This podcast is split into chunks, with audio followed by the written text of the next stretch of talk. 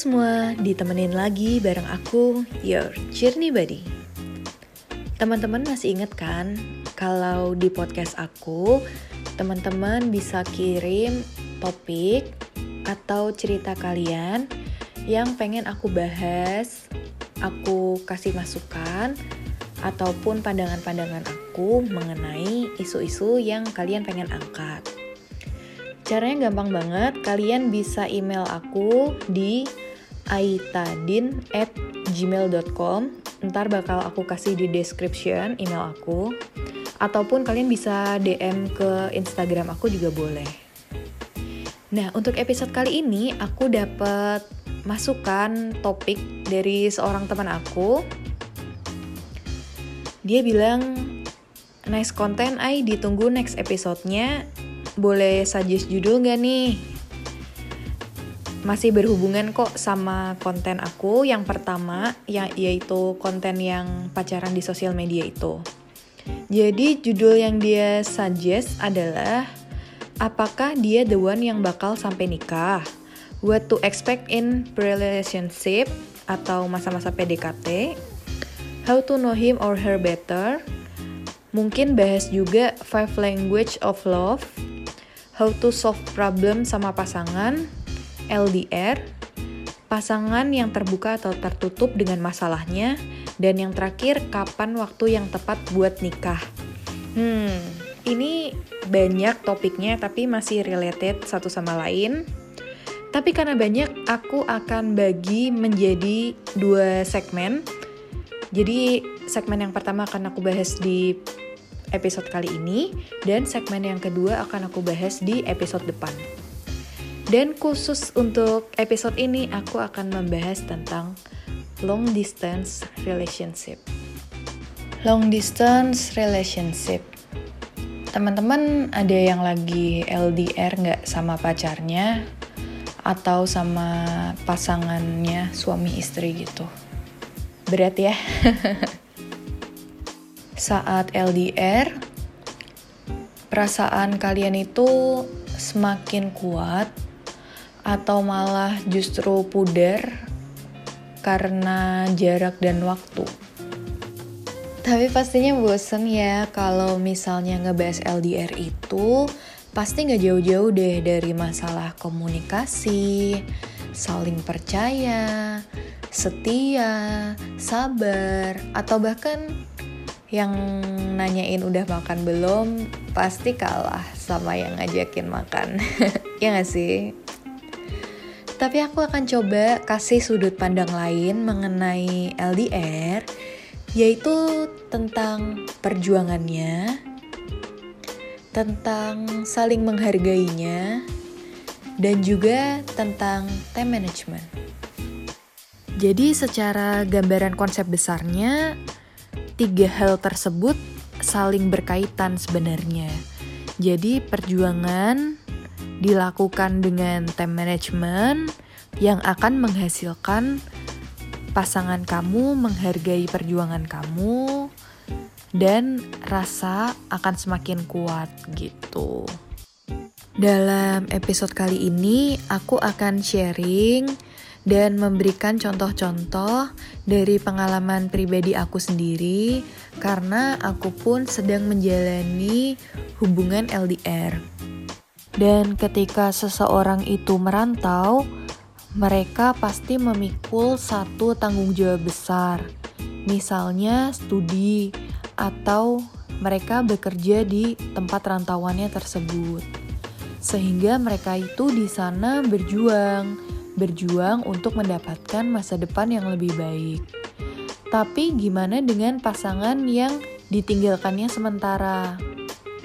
Jangan salah, pasangan tersebut juga berjuang. Dia mendukung pasangannya untuk mendapatkan masa depan yang lebih baik dengan mengorbankan waktu mereka bersama. Aku kasih contoh sekalian sharing jadi aku dan pasangan aku kita sedang menjalani LDR. Pasangan aku bekerja di luar kota, sementara aku di sini di Jakarta juga bekerja. Kita bersama-sama mau mewujudkan mimpi kita bareng-bareng. Tetapi selama proses LDR ini, benar-benar perasaan aku dan hubungan kita ini justru semakin dekat. Kenapa bisa gitu? Karena banyak perjuangan dan effort-effort lebih yang diberikan pasangan aku untuk kelancaran hubungan kami, sehingga aku pun semakin mengapresiasi perjuangan dia dan membuat aku semakin sayang sama dia. Aku ambil contoh gampang aja. Jadi seminggu sekali biasanya pasangan aku pulang ke Jakarta buat ketemu sama aku. Nah, kita tuh sama-sama kerja sampai hari Sabtu. Jadi kita cuma punya waktu istirahat itu di hari Minggu aja. Tapi pasangan aku lebih memilih dia pulang ke Jakarta buat ketemu sama aku dibandingkan menggunakan waktunya untuk beristirahat. Padahal Senin dia udah harus kerja lagi. Dan saat dia mau pulang pun itu dia memberikan effort-effort lebih nih. Misalnya bensinnya pasti juga lebih, uang tolnya juga lebih, dan dia juga harus menyiapkan tenaga dia untuk perjalanan pulang pergi gitu. Effort-effort tersebut benar-benar sangat menyentuh hati aku sampai ketika dia itu udah pulang nih kita udah selesai nih weekend kita, aku selalu bilang thank you ya udah pulang hari ini. Sebagai bentuk apresiasi aku, walaupun cuman kata-kata, tapi aku nunjukin nih, aku apresiasi loh usaha kamu gitu. Satu kejadian lagi yang benar-benar aku ingat dan benar-benar aku apresiasi adalah waktu itu hari Minggu. Pasangan aku ini ada kerjaan di Jakarta sehingga hari minggu siang itu sampai malam lah kita nggak bisa ketemu. Tetapi di larut malamnya itu aku ada after party acara teman aku. Dan pasangan aku mau nemenin aku ke sana. Akhirnya aku bawa mobil sendiri dan pasangan aku bawa mobil sendiri. Kita ketemu di lokasi jadi rencananya nanti aku pulang sendiri, dia pulang sendiri. Karena udah malam juga kan, dan besok subuhnya dia harus pulang lagi ke kota tempat dia bekerja tersebut. Udah dong, kita ketemu, terus kita main bareng teman-teman kita. Kemudian sampai jam 1 malam, kita harus pulang, tapi aku lagi nggak dalam kondisi aku bisa nyetir. Sehingga pasangan aku akhirnya berinisiatif untuk nganterin aku naik mobil aku ke rumah. Kemudian dia balik lagi ke lokasi naik kendaraan online, baru dia ambil mobil dia dan dia pulang ke rumah dia. Itu kayaknya dia sampai ke rumah dia sekitar jam 3 pagi, sementara jam 5 dia udah harus berangkat ke kota rantauannya tersebut dan jam 8 pagi dia udah harus bekerja lagi. Di situ aku tuh bener-bener gak enak banget dan kayak kasihan sama dia dong pasti. Tapi di sela-sela rasa gak enak aku, justru dia semakin meyakinkan aku bahwa itu adalah tugas dia buat nganterin aku dan memastikan aku selamat sampai di rumah. Justru kalau misalnya terjadi sesuatu sama aku, dia akan semakin menyesal gitu. Dan di situ rasa apresiasi aku atas perjuangan dia itu semakin besar, yang membuat rasa sayang aku ke dia juga semakin besar. Jadi rumusnya ketika effort yang kamu berikan itu semakin besar, maka apresiasi itu akan semakin besar dan rasa sayang itu juga akan semakin besar. Gitu sih menurut aku.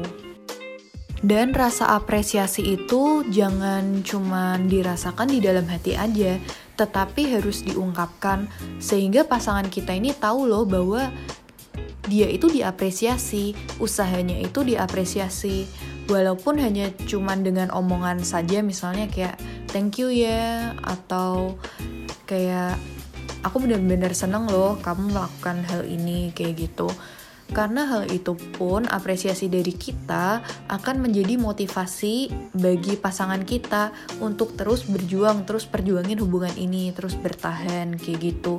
Walaupun memang melelahkan, walaupun emang capek, tetapi dia juga seneng nih lihat kamu bisa mengapresiasi apa yang dia kerjakan gitu yang menjadi musuh terbesar selama LDR itu bukan jarak dan waktu, tetapi ego kita sendiri.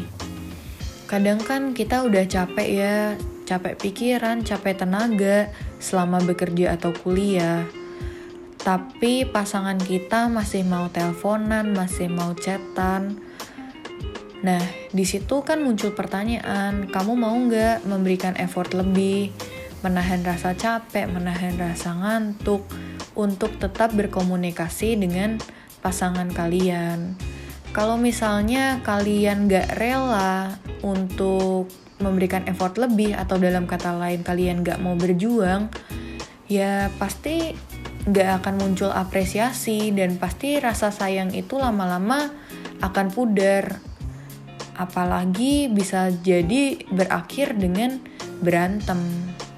Nah, tapi ada aja kasus di mana seseorang itu sudah berjuang untuk mempertahankan hubungan LDR-nya, tetapi tetap hubungan itu kandas entah karena pasangannya itu kabur atau mungkin menemukan sosok lain gitu.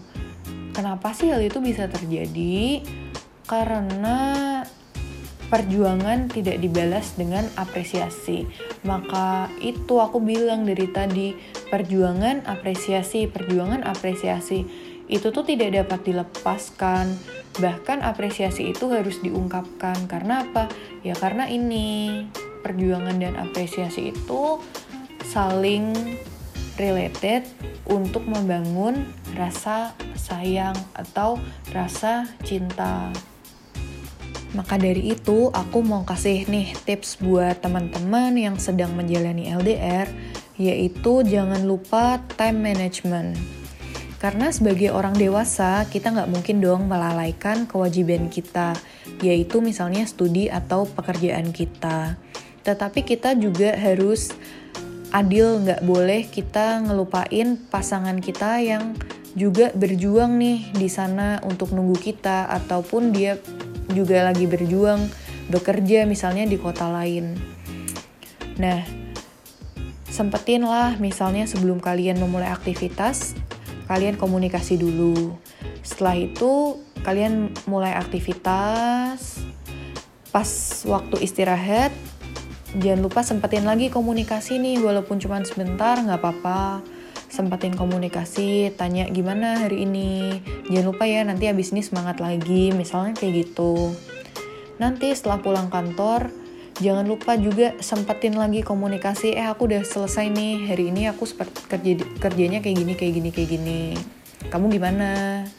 Kayak gitu. Sebelum kalian misalnya nanti ada aktivitas lagi nih di malam hari, misalnya kerja kelompok lah atau kegiatan-kegiatan kemahasiswaan, misalnya kayak gitu. Nanti malam setelah kalian pulang ke rumah atau mau tidur, jangan lupa ucapin lagi selamat tidur. Besok semangat ya kerjanya atau besok semangat ya studinya. Hal-hal kecil macam itu time management pasti sangat berpengaruh untuk menjaga kelancaran komunikasi dan tentunya kelancaran hubungan kalian. Intinya dalam hubungan LDR, jarak boleh jauh, waktu boleh berbeda. Asal hati jangan jauh, hati jangan berbeda. Pertanyaan untuk hari ini, sudahkah kalian memberikan apresiasi terhadap setiap perjuangan-perjuangan yang sudah dilakukan oleh pasangan kalian. Kalau belum, yuk angkat telepon kamu, kasih tahu dia seberapa besar kamu apresiasi perjuangan dia. Jangan lupa tunggu episode selanjutnya. aku akan lanjutin untuk ngebahas topik yang udah disaranin oleh teman aku tersebut. Dan see you in the next episode.